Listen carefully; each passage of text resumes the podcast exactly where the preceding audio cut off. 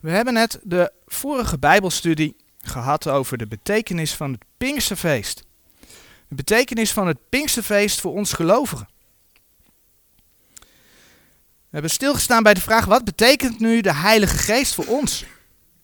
Nou, we hebben stilgestaan dat de Heilige Geest een aantal dingen niet doet, waar velen het wel over hebben. We hebben bijvoorbeeld de, de tekengraven gezien, dat die met de laatste apostelen verdwenen zijn. Maar er zijn veel dingen die de Heilige Geest wel voor ons doet. De Heilige Geest geeft de vrucht des geestes.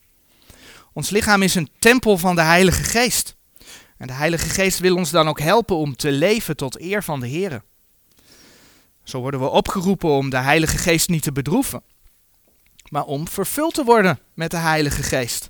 We zijn weliswaar verzegeld tot de dag der verlossing, dat is een feit, maar dat neemt niet weg dat we de opdracht hebben om vervuld te worden met de Heilige Geest. We hebben gezien dat Hij vrede geeft, dat Hij rust geeft. We hebben gezien dat Hij de gelovigen in al de waarheid leidt. Hij leert de gelovigen Gods woord. Hij leidt aanbidding van de Vader. Hij geeft kracht om te getuigen. En we zagen dat hij bij dat alles nooit gericht is op zichzelf. Een wederom geboren gelovige getuigt dan ook van Jezus Christus. En als slot zagen we dat de Heilige Geest onze sterfelijke lichamen levend maakt als we de Here tegemoet gaan in de lucht.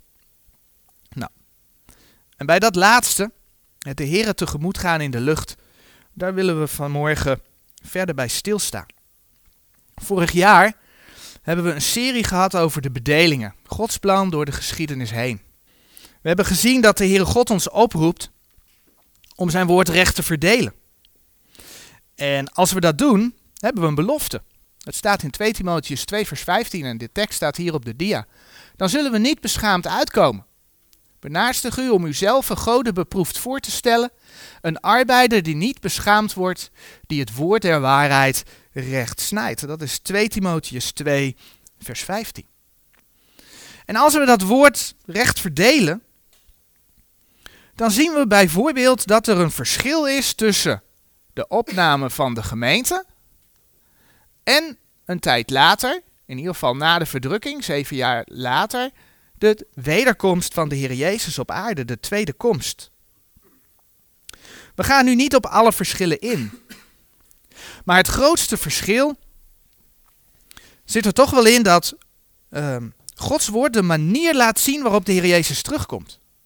De manier waarop hij terugkomt bij zijn tweede komst. Maar ook de manier waarop hij zijn gemeente komt halen. En als hij komt, en hij zal staan met zijn voeten op de aarde. Dat is dus zijn tweede komst. Dan spreekt de Bijbel dat dat zal zijn met grote kracht en heerlijkheid. Ja, elk oog zal hem zien. En we beginnen vanmorgen in Openbaring 1, vers 7. En daar lezen we dat er geschreven staat dat als Jezus Christus naar de aarde komt, dat elk oog hem zal zien.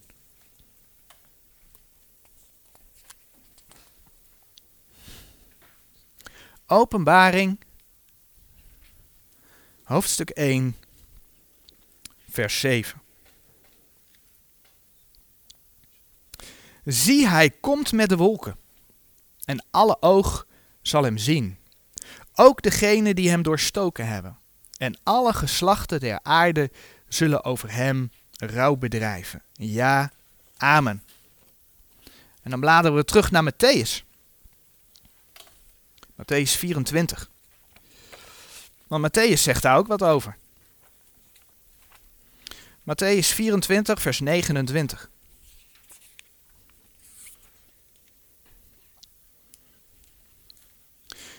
In Matthäus 24,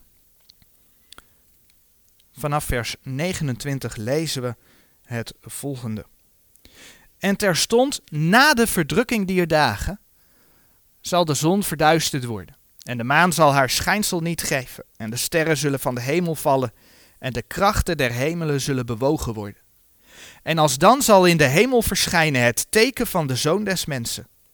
En dan zullen alle geslachten der aarde wenen, en zullen de zoon des mensen zien, komende op de wolken des hemels, met grote kracht en heerlijkheid. Dus als de Heer Jezus terugkomt op aarde, dan is dat niet te missen. Het zal zijn met grote kracht en heerlijkheid. Elk oog zal hem zien. Maar die beschrijving van die tweede komst is een hele andere soort beschrijving dan dat we voor de gemeente vinden. Wanneer de Heer voor de gemeente komt, en dan kunnen we vast naar 1 Korinthe 15 bladeren, dan zal niet elk oog hem zien. Dat moment gaat niet gepaard met grote kracht en heerlijkheid. Maar 1 Korinthe 15 zegt dan zo mooi, dat zal zijn in een punt des tijds, in een ogenblik. 1 Korinthe 15 vanaf vers 51. En dan lezen we in 1 Korinthe 15. Zie, ik zeg u een verborgenheid. Wij zullen wel niet alle ontslapen, maar we zullen alle veranderd worden. In een punt des tijds, in een ogenblik, met de laatste bazuin, want de bazuin zal slaan en de doden zullen onverderfelijk opgewekt worden en wij zullen veranderd worden. De voeten van de Heer Jezus zullen dan nog niet staan op de olijfberg. Hè? Dat is wat de profeet Zacharia in Zacharia 14 vers 4 zegt. Als de Heer Jezus naar de aarde komt, dan zullen zijn voeten op de olijfberg staan. Dat zal dan niet gebeuren. Maar wij zullen de Heer tegemoet gaan in de lucht. Het bekende gedeelte, iets verder bladeren naar 1 Thessalonicense. 1 Thessalonicense 4, vers 16 en 17. Want de Heere zelf zal met een geroep, met de stem des archangels en met de bazuin Gods nederdalen van de hemel. En die in Christus gestorven zijn, zullen eerst opstaan. Daarna wij die levend overgebleven zijn, zullen tezamen met hen opgenomen worden in de wolken, de Heere tegemoet, in de lucht. En alzo zullen wij altijd met de Heere wezen. Daar waar de gemeente aangesproken wordt, daar zien we dat de gemeente de Heer tegemoet gaat in de lucht. De Heer komt dan niet op aarde. Het zijn allemaal verschillen. Het gaat dus niet om dezelfde gebeurtenis, het gaat om twee verschillende gebeurtenissen. De een vindt plaats, zoals we gelezen hebben, na de verdrukking. Werd ook letterlijk genoemd in, die, in dat gedeelte. En de ander betreft de opname van de gemeente en vindt plaats voor de grote verdrukking. Omdat de gemeente Zegt onder andere 1 Thessalonicense 1 vers 10 en 1 Thessalonicense 5 vers 9, niet is gesteld tot toren. Nou, en in de grote verdrukking gaat Gods toren over de aarde. Dat lees je onder andere in Openbaring 6 vers 16 en 15 vers 1 en 7. En de gemeente is niet gesteld tot toren, dus de Heer haalt de gemeente thuis. En natuurlijk wordt dat bewaren van Gods woord en daarmee samenhangend het recht verdelen van Gods woord aangevallen. Het is de vijand er alles aan gelegen om de mensen een valse Bijbel, maar ook een valse boodschap aan te smeren. En zo verscheen er in Nederland in 2017 een boek. In het Engels was het al eerder uitgegeven, maar in Nederland schijnbaar in 2017. Met de naam, met de titel Opname of Aanname. En de ondertitel De mythe ontkracht, de kerk ontketent. En de boodschap waar dit boek mee komt is duidelijk: de opname is een mythe. Een inleiding van het boek.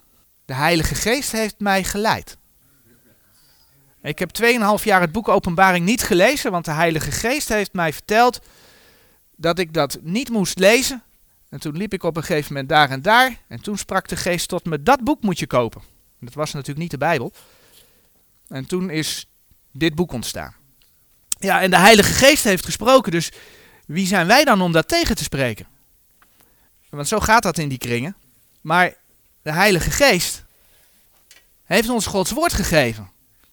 En zodra zo'n boek niet in overeenstemming is met dit boek, dan heeft de Heilige Geest niet gesproken. Ja, wel in dit boek, maar niet in dat boek opname of aanname. Maar goed, daar gaan we vandaag bij stilstaan. De inhoud van het boek wordt als volgt kort samengevat. En ik lees het stukje even voor. Opname of aanname bespreekt de geldigheid van de leer over de opname van de gemeente zoals die in veel boeken geleerd wordt. Al generaties lang worden mensen bang gemaakt met de boodschap van een komende grote verdrukking, waaraan slechts door een opname valt te ontkomen. Het evangelie als ontsnappingsclausule of escapisme. De grote populariteit van deze eindtijdvisie wekt de indruk dat dit een bijbelse leerstelling is. Maar is dat wel zo? Jezus zegt dat je een boom herkent aan zijn vrucht. Een echte bijbelse leerstelling moet dus goede vrucht voortbrengen. En dat is hier niet het geval. Deze visie veroorzaakt angst, passiviteit en een pessimistisch wereldbeeld, terwijl het juist onze roeping is om vol overtuiging te bouwen aan een betere wereld voor onze kinderen. Opname of aanname werpt nieuw licht op bekende eindtijdteksten en ontkrachten deze christelijke mythe. Het laat zien dat de grote verdrukking al heeft plaatsgevonden en dat het idee van een opname niet meer is dan een aanname. Een kerk die dit begrijpt is de eindtijdstress voorbij en kan vol vertrouwen haar transformerende rol in de samenleving op zich nemen. Tot zover even het citaat uh, van de beschrijving wat er in dat boek staat. Een tijdje terug werd ik door iemand benaderd die het een geweldig boek vond. En die persoon die schreef mij het volgende. Ik citeer een klein stukje. Ik ontdekte dat de bedelingenleer pas in 1830 door een John Nelson Darby is geïntroduceerd. Hierdoor geloof, hiervoor geloofde de kerk altijd dat in het jaar 70 Jezus was teruggekeerd om zijn woede op Jeruzalem uit te gieten. En dus dat de grote verdrukking reeds geweest was. Tot zover het citaat van die persoon. Nou, in het verleden hebben wij er wel eens bij stilgestaan dat door het verdelen van Gods woord een leer te noemen, het heel makkelijk is voor mensen om het naast zich neer te leggen. Hè? Want ja, ach, het is toch maar een leer, zegt men dan. En dan zien we dus hoe die tactiek hier eigenlijk uitgebreid wordt. Want men zoekt een late oorsprong voor hetgeen men de bedelingenleer noemt. En ja, als het een late oorsprong heeft, zegt men, uh, dan leert de, de vroege kerk dit ook niet. Punt. Weg ermee. Nou, deze persoon kwam dus met de stelling dat de bedelingenleer in 1830 door John Nelson Darby geïntroduceerd is. En ja, Darby heeft over de opname van de gemeente geschreven. En is daarbij bijvoorbeeld ook bron geweest voor uh, meneer Schofield, die een Schofield studiebijbel heeft uitgegeven. Maar was Darby de eerste die erover schreef? Zo zijn er mensen die zeggen dat de bedelingenleer ontstaan is bij een Schots meisje. Ene Mary MacDonald. Ongeveer in de tijd dat ook uh, Darby leefde, in 1830. Dit meisje zou al trillend een of ander charismatisch visioen gehad hebben, waarin zij de komst van de Heer Jezus in twee stadia zou hebben zien plaatsvinden. En dat uh, de gelovigen dus voor de grote verdrukking zouden worden opgenomen. Weer anderen laten het iets verder in de tijd beginnen, zo rond 1790, bij een Jezuïetenpriester, Emmanuel Lacunza daarmee de bedelingenleer, dus eigenlijk een Jezuïte, een Rooms-Katholieke oorsprong gevend. Wat men er niet bij vertelt is dat deze Jezuïet in 1773 is door paus Clemens de Jezuïetenorde opgeheven. Het zal tijdelijk geweest zijn, want ze bestaan weer, maar um, toen dat gebeurde heeft deze Jezuïet zich teruggetrokken en die is een intensieve persoonlijke studie van de Bijbel begonnen. Hierdoor werd hij ervan overtuigd dat de wederkomst van de Heer Jezus een andere gebeurtenis was dan het einde van de wereld en het laatste oordeel. Daardoor werd hij ervan overtuigd dat zijn komst noodzakelijkerwijs voorafging aan het duizendjarig vrederijk. Lacunza geloofde dat hij een aantal nieuwe ontdekkingen had gedaan. Want ja, zijn kerk leerde dit nooit. Maar hij kwam tot dezelfde conclusies die Bijbellezers ook al lang voor hem, hè, de 1700 jaar kerkgeschiedenis ervoor, ook al hadden gemaakt. Maar door zijn conclusies werd zijn boek in 1819 door de Spaanse Inquisitie uit omloop gehaald. En door paus Leo XII, eigenlijk net als met de Bijbel, is door de Rooms-Katholieke Kerk ook op de verboden lijst geplaatst. Zijn boek is op de verboden lijst geplaatst van het Vaticaan. En dat mag een bewijs zijn dat deze Jezuïet door het lezen van Gods woord in ieder geval dicht bij de waarheid is gekomen. Hij ging Gods woord recht verdelen. Maar die geschiedenis laat men dan weg. Weer anderen voeren de bedelingenleer terug op een baptistenvoorganger, een Morgan Edwards in 1788. En ook de naam van John Asgill wordt genoemd. En dan gaat het alweer terug tot 1700. En John Asgill, daarvan is bekend dat hij in de gevangenis is gekomen. Omdat hij geloofde, dat had nog niet eens zozeer met de bedelingenleer te maken, maar dat er mensen Ehm, die levend overgebleven worden, uh, dus niet zouden sterven en opgenomen zouden worden. Dus eigenlijk een, een stukje van de opname. Daarvoor is hij in de gevangenis beland. Maar er blijken dus meerdere getuigen te zijn van hetgeen men de bedelingenleer noemt. Nou, mensen die een laat ontstaan willen aantonen van het recht verdelen van Gods woord, die hoor je nooit over dit. Latijnse handschriften uit de 4e en 5e eeuw, die ook al getuigen van de opname. Het gaat om een preek die gevonden is van pseudo-Ephraim de Syriër. En uh, als men het er al over heeft, dan trekt men de tekst die men gevonden heeft zeer sterk in twijfel. Want ja, is dat wel wat de beste man echt leerde? Eigenlijk moesten we nog meer van hem vinden. Maar de tekst die van hem gevonden is, die luidt: Alle heiligen en uitverkorene gods zullen verzameld worden voor de verdrukking die gaat komen. En worden de heer, uh, tot de Here gebracht, zodat zij niet de grote verwarring zullen zien die de wereld gaat overkomen vanwege hun zonde. Tot zover wat die tekst uit die Latijnse handschriften uh, bevat. Het blijkt dus veel verder terug te gaan in de geschiedenis. Maar dat klopt ook. Want ja, het gaat terug op de apostelen. En het staat gewoon in Gods woord. Ja, we hebben de verschillen tussen de tweede komst en de opname van de gemeente vanmorgen nog weer gelezen. De bedelingenleer is dan ook geen leer.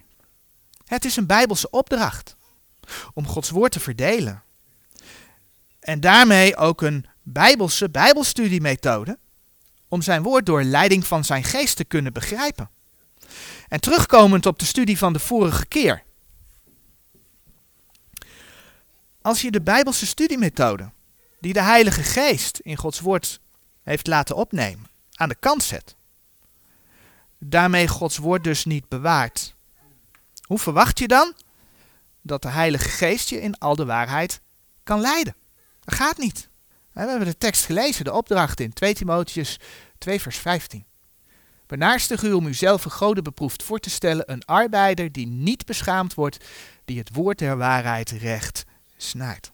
Nou, er zijn veel meer aanvallen op Gods woord. En aanvallen op het recht verdelen van Gods woord. Maar we willen ons beperken tot datgene wat die persoon mij vertelde. Dat de Heer Jezus in 70 na Christus teruggekomen zou zijn. Om zijn woede op Jeruzalem uit te gieten en dus dat de grote verdrukking reeds geweest was. Dezelfde persoon die schreef mij, en ik citeer opnieuw. Kent u al de verschrikkingen die er gebeurd zijn in de drieënhalf jaar in Jeruzalem? Alle profetieën van Jezus zijn toen uitgekomen. Toeval? Ik geloof niet in toeval. Ik geloof dat Jezus juist profiteerde toen hij, toen hij zei dat sommige van zijn toehoorders nog zouden leven als hij terugkwam. Het futurisme zit er ook zit er zo ingebakken. Alleen Gods geest kan de harten zacht maken en de ogen openen. Tot zover het citaat. Heel het boek Openbaring is in de ogen van deze mensen geschiedenis. Maar laten we naar Openbaring toe gaan en een paar stukjes lezen.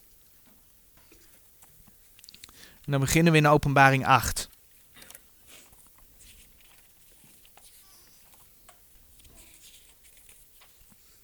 Openbaring 8, vers 7.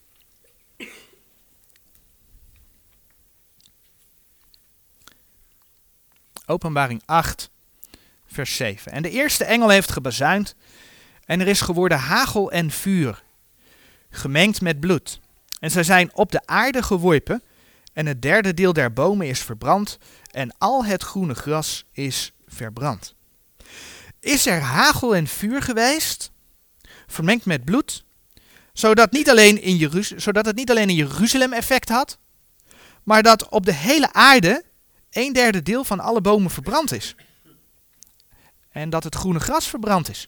Dat is niet bekend in de geschiedenis dat dat gebeurd is.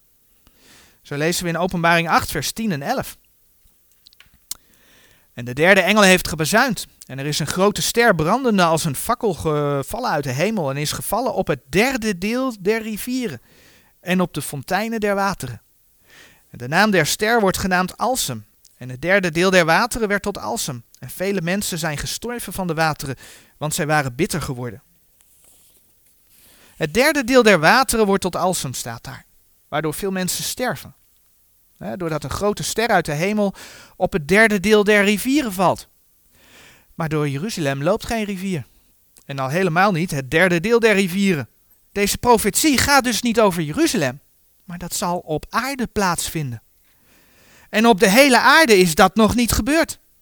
Anders dan hadden we dat echt wel ergens in documenten gehad. Dat dat plaatsgevonden had. Nog zo'n verschijnsel. Openbaring 16. Openbaring 16, vers 8 en 9.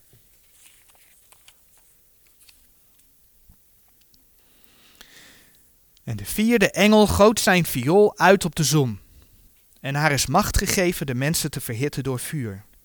En de mensen werden verhit met grote hitte en lasterden de naam van God, die macht heeft over deze plagen. En zij bekeerden zich niet om hem heerlijkheid te geven.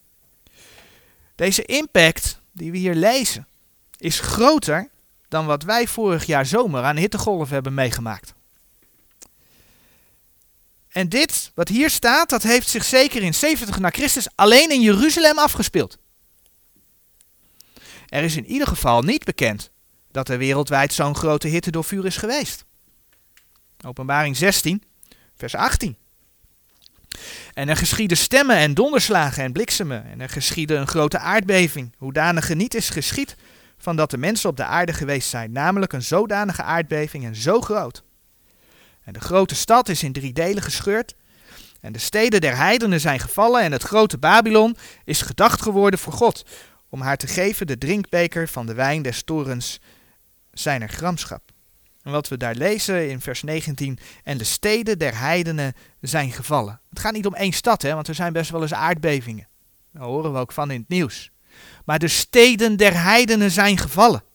Is er in 70 na Christus zo'n grote aardbeving geweest, dat ook de steden der heidenen gevallen zijn? Ook daarvan is niets bekend in de geschiedenis. En zo zijn er nog wel veel meer voorbeelden te geven.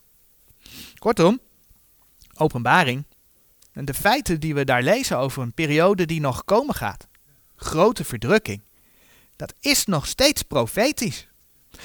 En het zal nog gaan plaatsvinden. We zitten dus niet na de grote verdrukking, wij zitten niet hier, maar wij zitten, hè, als dit de periode van de grote verdrukking is, wij zitten voor de grote verdrukking. Als de grote verdrukking geschiedenis zou zijn, dan zou dat betekenen dat heel Israël tot geloof gekomen zou moeten zijn. In Jeremia bijvoorbeeld. Jeremia 30, daar wordt gesproken over de tijd van Jacobs benauwdheid. Hè. Dat is een andere benaming voor de periode van grote verdrukking die gaat komen.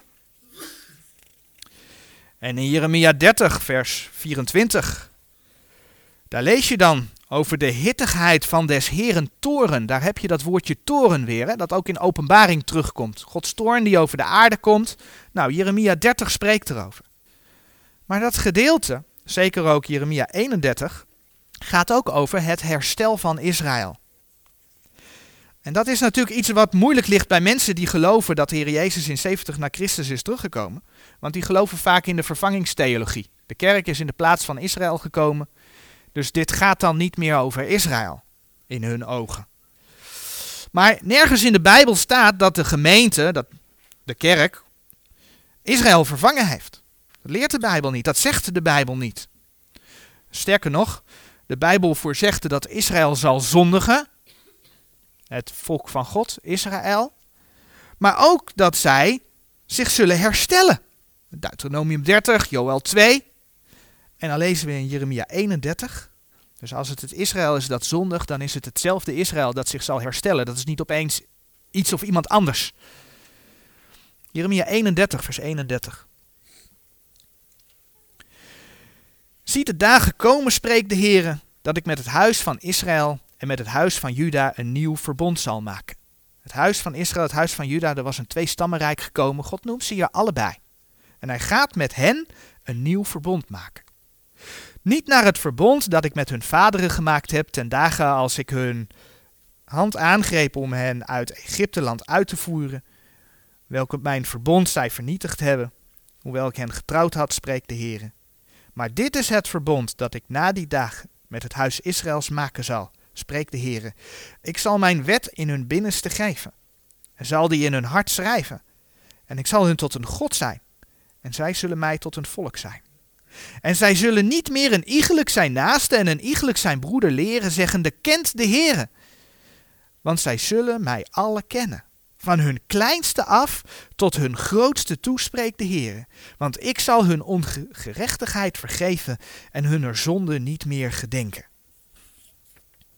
De vraag is dus, wordt er in Israël niet meer gezegd, kent de Heere? Gelukkig zijn er Joden die de Messias beleiden, dus zij zullen dit heus tegen hun naasten zeggen. Maar al zou het niet gezegd worden, dan nog is het niet omdat ze hem alle kennen, want niet heel Israël gelooft in de Heer Jezus. Met andere woorden, wij leven nog niet in de periode na de grote verdrukking. Het is gewoon onmogelijk op grond van wat de schrift laat zien. Zo stelt men ook, en ik citeer weer een stukje. Per dag komen er 18.000 christenen bij. Het aantal wedergeboortes is vier keer zo hoog als het aantal geboortes. Dit betekent dat, als het in hetzelfde tempo doorzet in 2033, de hele wereld christelijk is. Misschien groeit het niet zo hard in het Westen, maar wel in Azië en Afrika. Zijn koninkrijk groeit als een mosterdzaad of als het gist dat het hele deeg doordezemt. Jezus koninkrijk is niet van deze wereld, maar in de geest, koning van ons hart. Waarom zal hij dan op een aardse troon gaan zetelen? Dit is niet conform de Bijbelse uitspraken. Tot zover het citaat. Het aantal wedergeboortes schijnt dus vier keer zo hoog te zijn dan het aantal geboortes, zegt men. En natuurlijk, dat is veilig, want wij leven in het Westen. Dat is vooral in Afrika en Azië zo. Maar als het inderdaad zo hard groeit, niet per jaar, hè, per dag, dan moet dat toch zichtbaar gaan worden in de wereldpolitiek, of niet? Twee zulke grote continenten, hè, Afrika en Azië, 18.000 per dag. De VN zou toch wellicht wat vriendelijker opstellen ten opzichte van Israël, of niet? Het volk van God. Maar als we om ons heen kijken, als we om ons heen kijken, dan zien we een wereld die gedomineerd wordt door zonde, door oorlog, door armoede, door ziekte, door wereldgelijkvormigheid onder christenen. Allemaal tekenen van de zondeval, allemaal tekenen van afval van geloof. En ja, sorry dat ik het zeggen moet, maar ook in Azië en Afrika. Er is geen tijd geweest waarin zoveel mensen Gods woord terug toekeren. En als men Gods woord terug toekeert, dan blust men de Heilige Geest uit. En dan heb ik het dus nog over het deel wat zegt te geloven. En dat blijkt overigens uit de uitleg die ik net in dat stukje citaat heb voorgelezen. Er wordt namelijk gezegd dat zijn koninkrijk groeit als een mosterdzaad. Nou, als je die gelijkenis gaat opzoeken in Matthäus 13, vers 32, dan zie je dat die mosterdzaad inderdaad uitgroeit. Je krijgt takken, wordt een grote boom. En wie nestelen zich in die boom? Dat zijn de vogelen des hemels. Ik heb ooit een voorganger horen zeggen, ja, dat zijn de kinderen van God. Die gaan in die boom zitten. Maar ja, als ik dan Matthäus 13, vers 19 lees, dan staat daar dat dat de boze is. Oeps. En volgens de schrift, zuurdeeg staat voor zonde. Dus als de zuurdeeg dat hele deeg doorzuurt, wat zegt dat dan samen met het feit dat de vogelen des hemels in die takken zitten van die boom? Als we dat betrekken op vandaag de dag, dan zien we dus dat het niet steeds beter wordt, maar dat het religieuze systeem doorspekt is met de boze die mensen laten zondigen. En dan moet je eens aankomen met de boodschap, hè? De boodschap dat God zijn woord bewaard heeft. En dat de saboteurs bezig zijn om dat woord uh, weg te werken. Er zijn er maar weinigen die daarvoor openstaan. Nee, al die feiten, inclusief de wereldpolitiek, die bevestigen nu juist dat Gods woord de waarheid is. En dat het vandaag de dag toch echt wel de eindtijd is. De God van deze wereld, hè, 2 Korinthe 4 vers 4, is ook gewoon de duivel. Er wordt een opmerking over de troon gemaakt, dus daar wil ik dan toch nog even op ingaan. Uh, de troon van de Heer Jezus. En dan heb ik het dus niet over de troon die hij deelt met de Vader op het moment dat er sprake is van de nieuwe hemel en de nieuwe aarde. Openbaring 2, vers 3. Maar ik heb het over de troon die ook wel de troon van zijn vader David genoemd wordt. als hij geboren wordt en eh, de engel kondigt zijn geboorte aan, dan wordt er gesproken dat hij op de troon van zijn vader David zal zitten. Dat is Lucas 1, vers 32. Die troon zal toch echt op aarde staan, want Davids troon heeft ook op aarde gestaan. Waarom zou het anders de troon van zijn vader David zijn? En in Matthäus 25, vers 31 lees je dan wat er gebeurt als de Heer Jezus terugkomt. En bij die tweede komst, hè, Zacharia 14, vers 4, dat zal toch echt op aarde zijn. Zijn voeten zullen staan op de olijfberg. En dan lees je in Matthäus uh, 25, vers 31, wat er dan gebeurt als de Heer terugkomt. En wanneer de Zoon des Mensen komen zal in zijn heerlijkheid, hè, dus het gaat om de komst met, met, met macht en heerlijkheid, en al de heilige engelen met hem, dan zal hij zitten op de troon zijner heerlijkheid. Dus als de Heer komt, gaat hij op zijn troon zitten. Punt. Dus hoezo zal zijn koninkrijk niet van deze aarde zijn? Ook Daniel profiteert toch dat die steen zonder handen afgehouden, hè? Daniel 2. Dat hij alle aardse koninkrijk inderdaad vernietigt, maar dat diezelfde steen de hele aarde gaat vervullen. Kun je vinden in Daniel 2, vers 35, 44 en 45. Het koninkrijk zal letterlijk op aarde aanwezig zijn, maar dat nu verder terzijde. We zien dat het recht verdelen leidt tot bewaren van Gods woord. En dat als je dat aan de kant zet, dat je ook de, uh, de rest van Gods woord niet kunt bewaren. Nu doet men op een valse manier allerlei pogingen om het recht verdelen van de schrift tot een laat ontstane leer te bestempelen. Maar eigenlijk hè, doet het er voor ons niet toe. Of er in het begin van de kerkgeschiedenis over gesproken werd of niet. Belangrijk is of het het woord van God is dat het zegt. Er kunnen namelijk heel goed details zijn in de profetieën waar men vroeger geen zicht op had. Terwijl de Heere deze in de voortschrijdende tijd door zijn geest en middels zijn woord openbaart aan zijn kinderen. En een heel mooi voorbeeld daarvan vinden we in Daniel. In Daniel 12. Daniel 12, vers 9.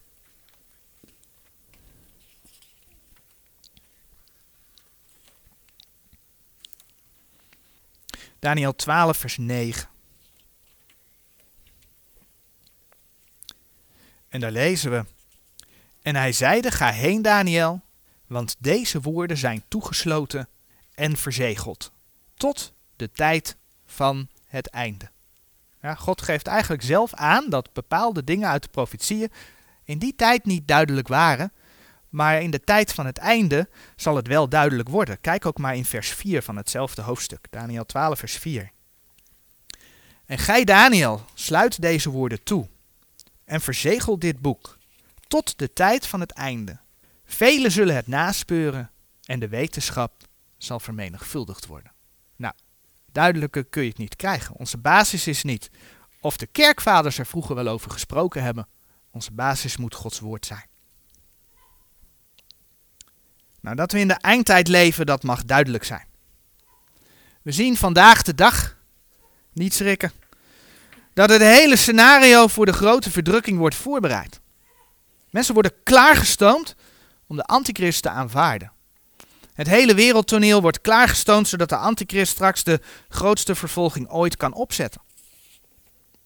Zo was er onlangs het Eurovisie Songfestival. En wat was Nederland blij met de winst? Yes, we hebben gewonnen. Maar wat heeft Nederland gewonnen? Nieuwsite The Sun vatte het als volgt samen. En dat was overigens in de aanloop er naartoe. Ik citeer een klein stukje. Als zaterdag bijna 200 miljoen mensen ervoor gaan zitten om naar het Eurovisie Songfestival 2019 te kijken, kunnen ze beter geen ballads en grote rokken verwachten, want dit jaar staan er leren handschoenen en BDSM op het menu.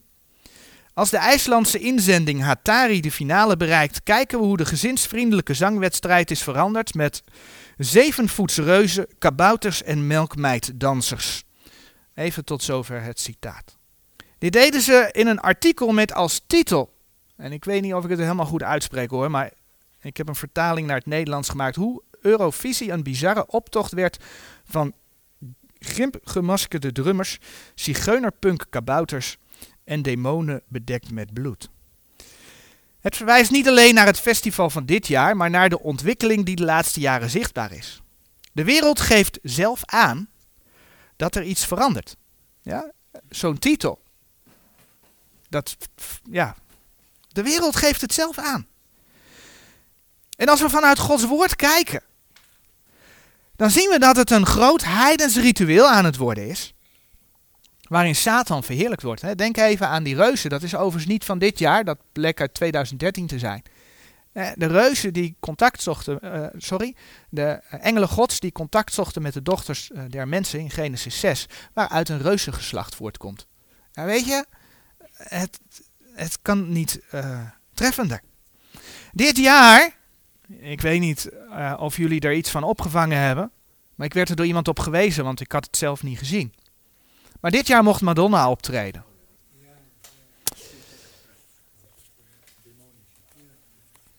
En er moet gezegd worden, eerlijk is eerlijk, de kranten waren niet positief.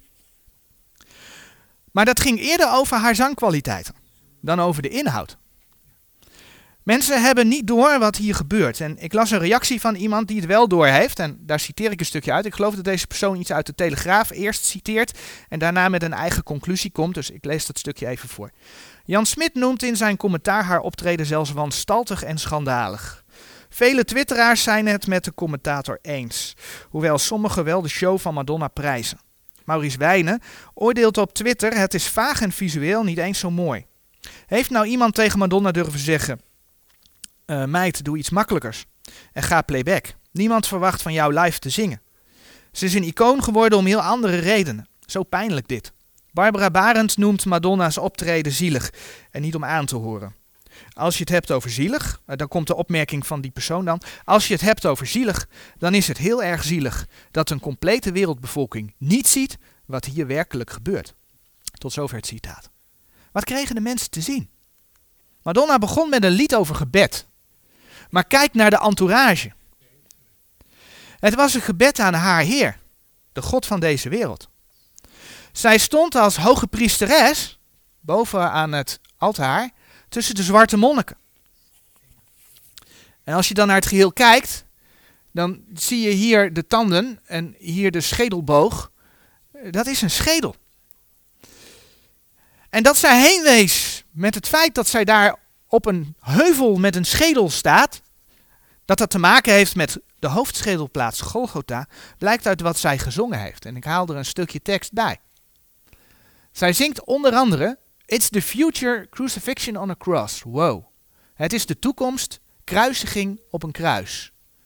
But you know that I am rise above it all. Yeah. Maar je weet dat ik er bovenuit zal stijgen. Ja. We zien duidelijk dat de Satan hier aangeeft dat hij denkt niet verslagen te zijn. Maar dat, ze, dat hij Jezus Christus wil verslaan. Er werd dan ook een show opgevoerd vol met occulte symboliek van piramides, omgekeerde kruisen en noem maar op. Ook werden twee pilaren geplaatst. Je ziet er hier 1, 2, 3 staan en daar ook. Nou ja, dit zijn er in ieder geval drie. 1, 2, 3. En hier komen er twee worden er binnengebracht. Waardoor er een totaal van acht waren. En op een gegeven moment is er dan ook een beeld dat je ziet dat er koningen naast staan. Nou, dan moet je eens Openbaring 17 opzoeken. Openbaring 17, vers 11.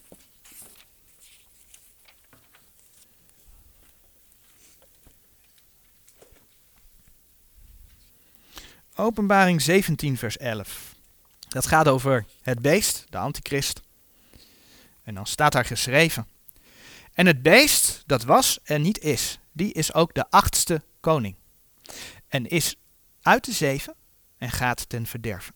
Het gaat er hier even om het aantal acht en het gaat erom dat het om koningen gaat. Hij is de achtste koning.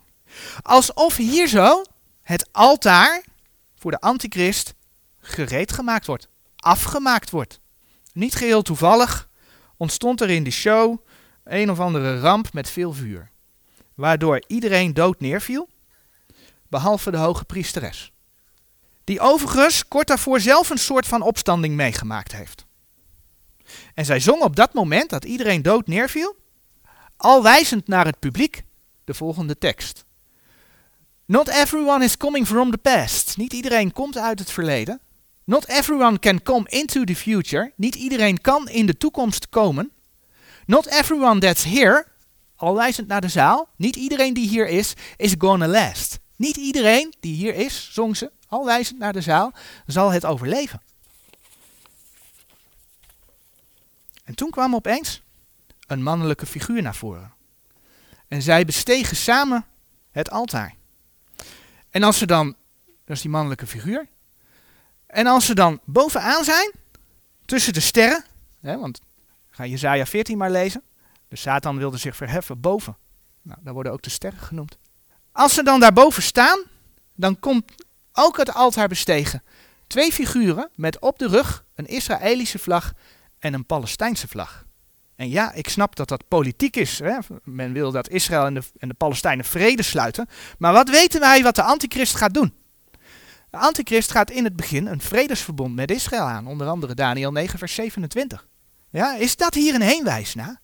En als slot konden mensen dan zien dat bovenop dat altaar, dat zij bovenop een omgekeerde kerk stond.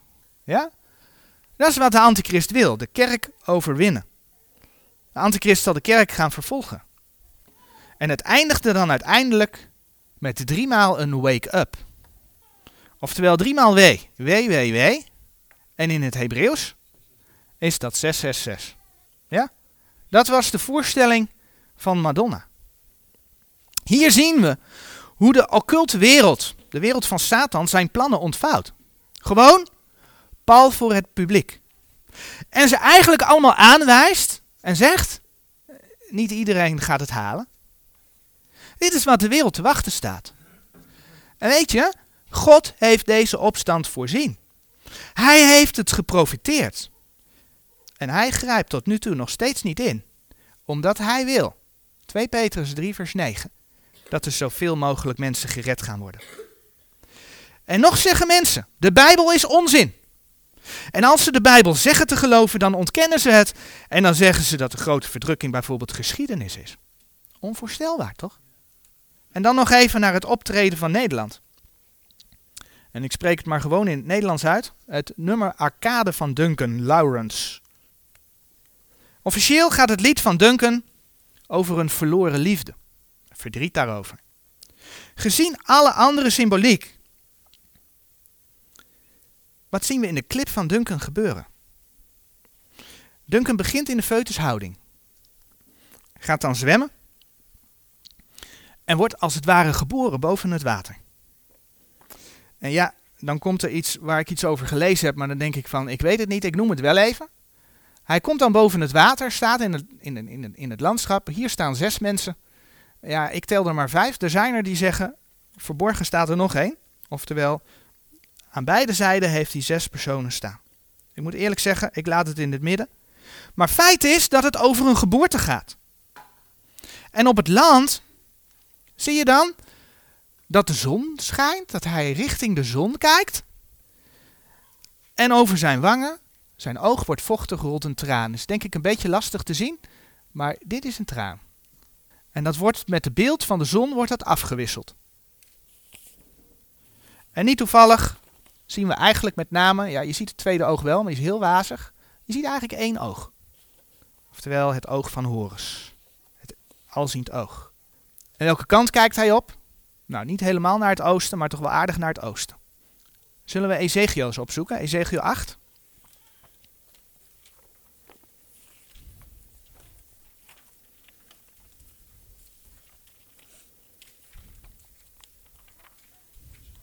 Ezekiel 8 en dan gaan we lezen vanaf vers 13.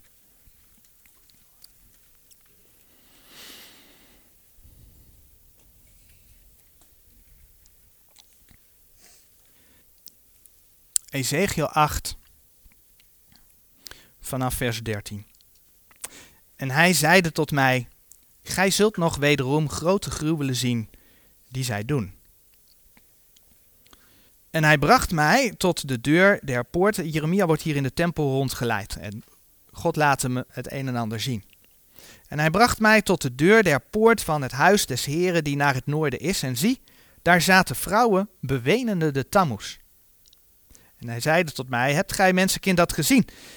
Gij zult nog wederom grotere gruwelen zien dan deze. En hij bracht mij tot het binnenste voorhof van het huis des Heren. En zie, aan de deur van de tempel des Heren, tussen het voorhuis en tussen het altaar, waren omtrent 25 mannen.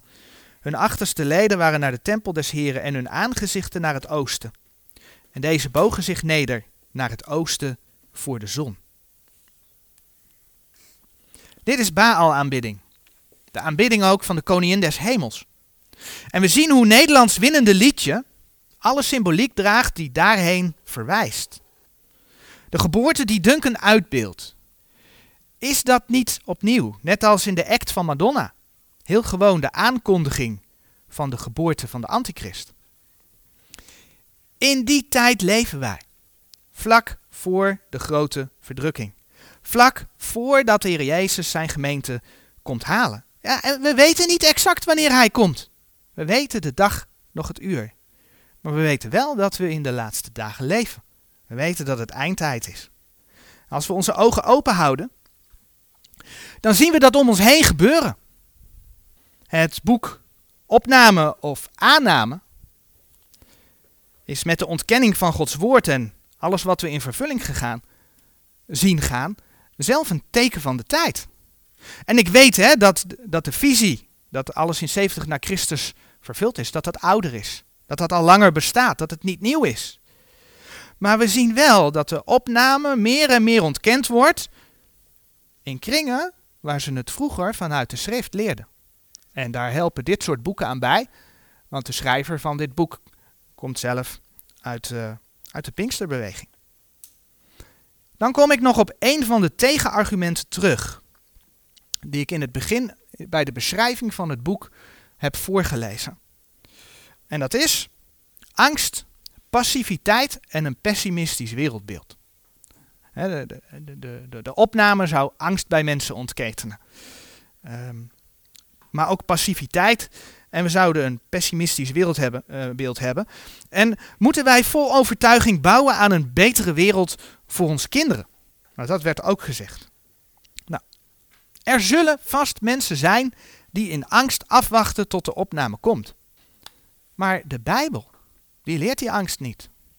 De Bijbel spreekt niet over angst voor de opname.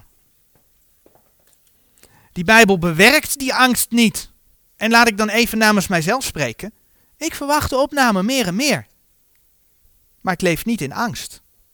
Hoe meer ik deze wereld zie achteruit glijden, en dan bedoel ik ook de christelijke wereld, die steeds verder achteruit holt, hoe meer ik verlang dat de Heer ons komt halen.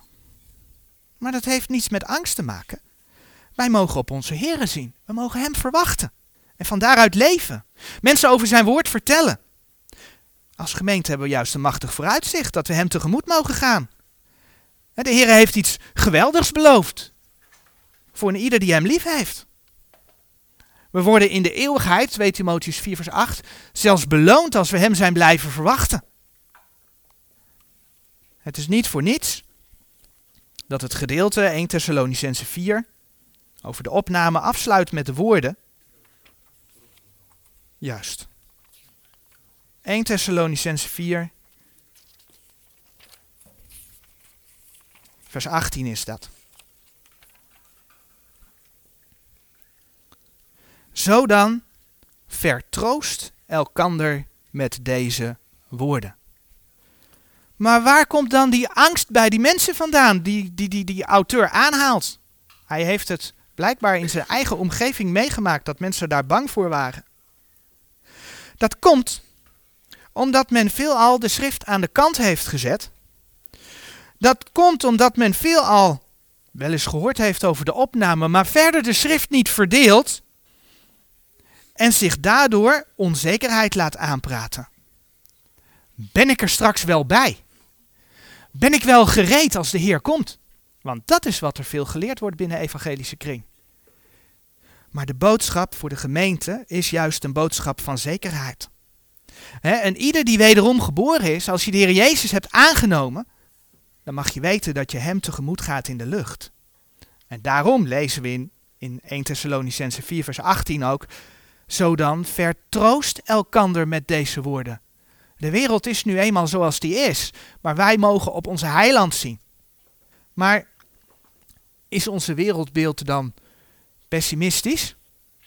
Ja, ons wereldbeeld is pessimistisch. Maar dat is niet ons wereldbeeld. Dat is Gods wereldbeeld. Uh, weet je wat de Bijbel zegt? 1 Johannes 5, vers 19. De tekst verschijnt op de dia. Wij weten dat wij uit God zijn. En dat de gehele wereld ligt in het boze. De gehele wereld ligt in het boze, zegt Gods woord. En ja, die tekst al, is al vaker aangehaald. 2 Korinthe 4, vers 4. De God van deze wereld is de duivel. En als je dat ontkent, dan ontken je wederom Gods woord. Dus ons wereldbeeld is pessimistisch, want de wereld ligt in het boze. Om de vraag te herhalen, moeten wij vol overtuiging bouwen aan een betere wereld voor onze kinderen? Weet je wat het punt is? Wij kunnen de wereld niet verbeteren. En het is niet voor niets, en dan gaan we naar gelaten. Het is niet voor niks.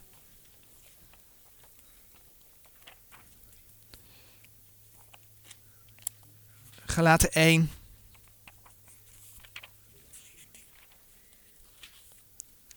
Het is niet voor niets dat de apostel Paulus schrijft in Gelaten 1 vers 3 en 4.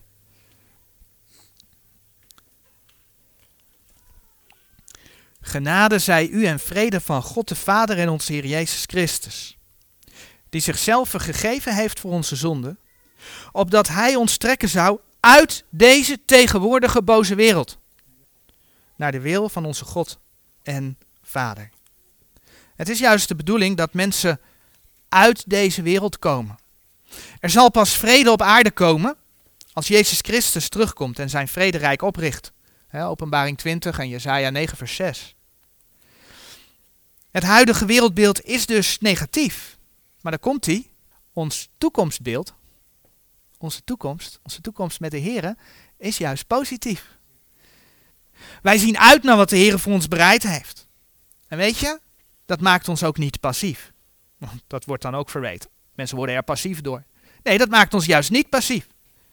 Want de Heere wil, die tekst hebben we al eerder gezien, 2 Petrus 3 vers 9, niet dat enige verloren gaan, maar dat zij alle tot bekering komen. En daarom gaf hij de discipelen ook de volgende opdracht en die zoeken we nog op als laatste. Matthäus 28 vers 19.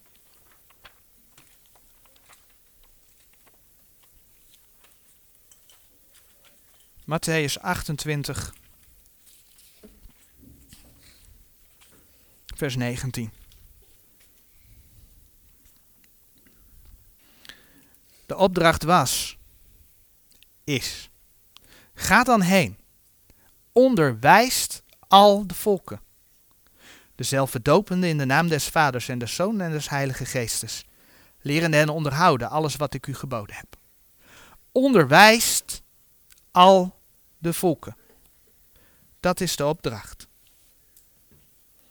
Wij moeten de wereld niet verbeteren, wij moeten de wereld onderwijzen. Mensen van Gods woord vertellen. Mensen uit de wereld trekken. Vertellen dat er een uitzicht is op een heerlijke toekomst door het vergrote bloed van de Heer Jezus Christus. Tot zover voor uh, vanmorgen.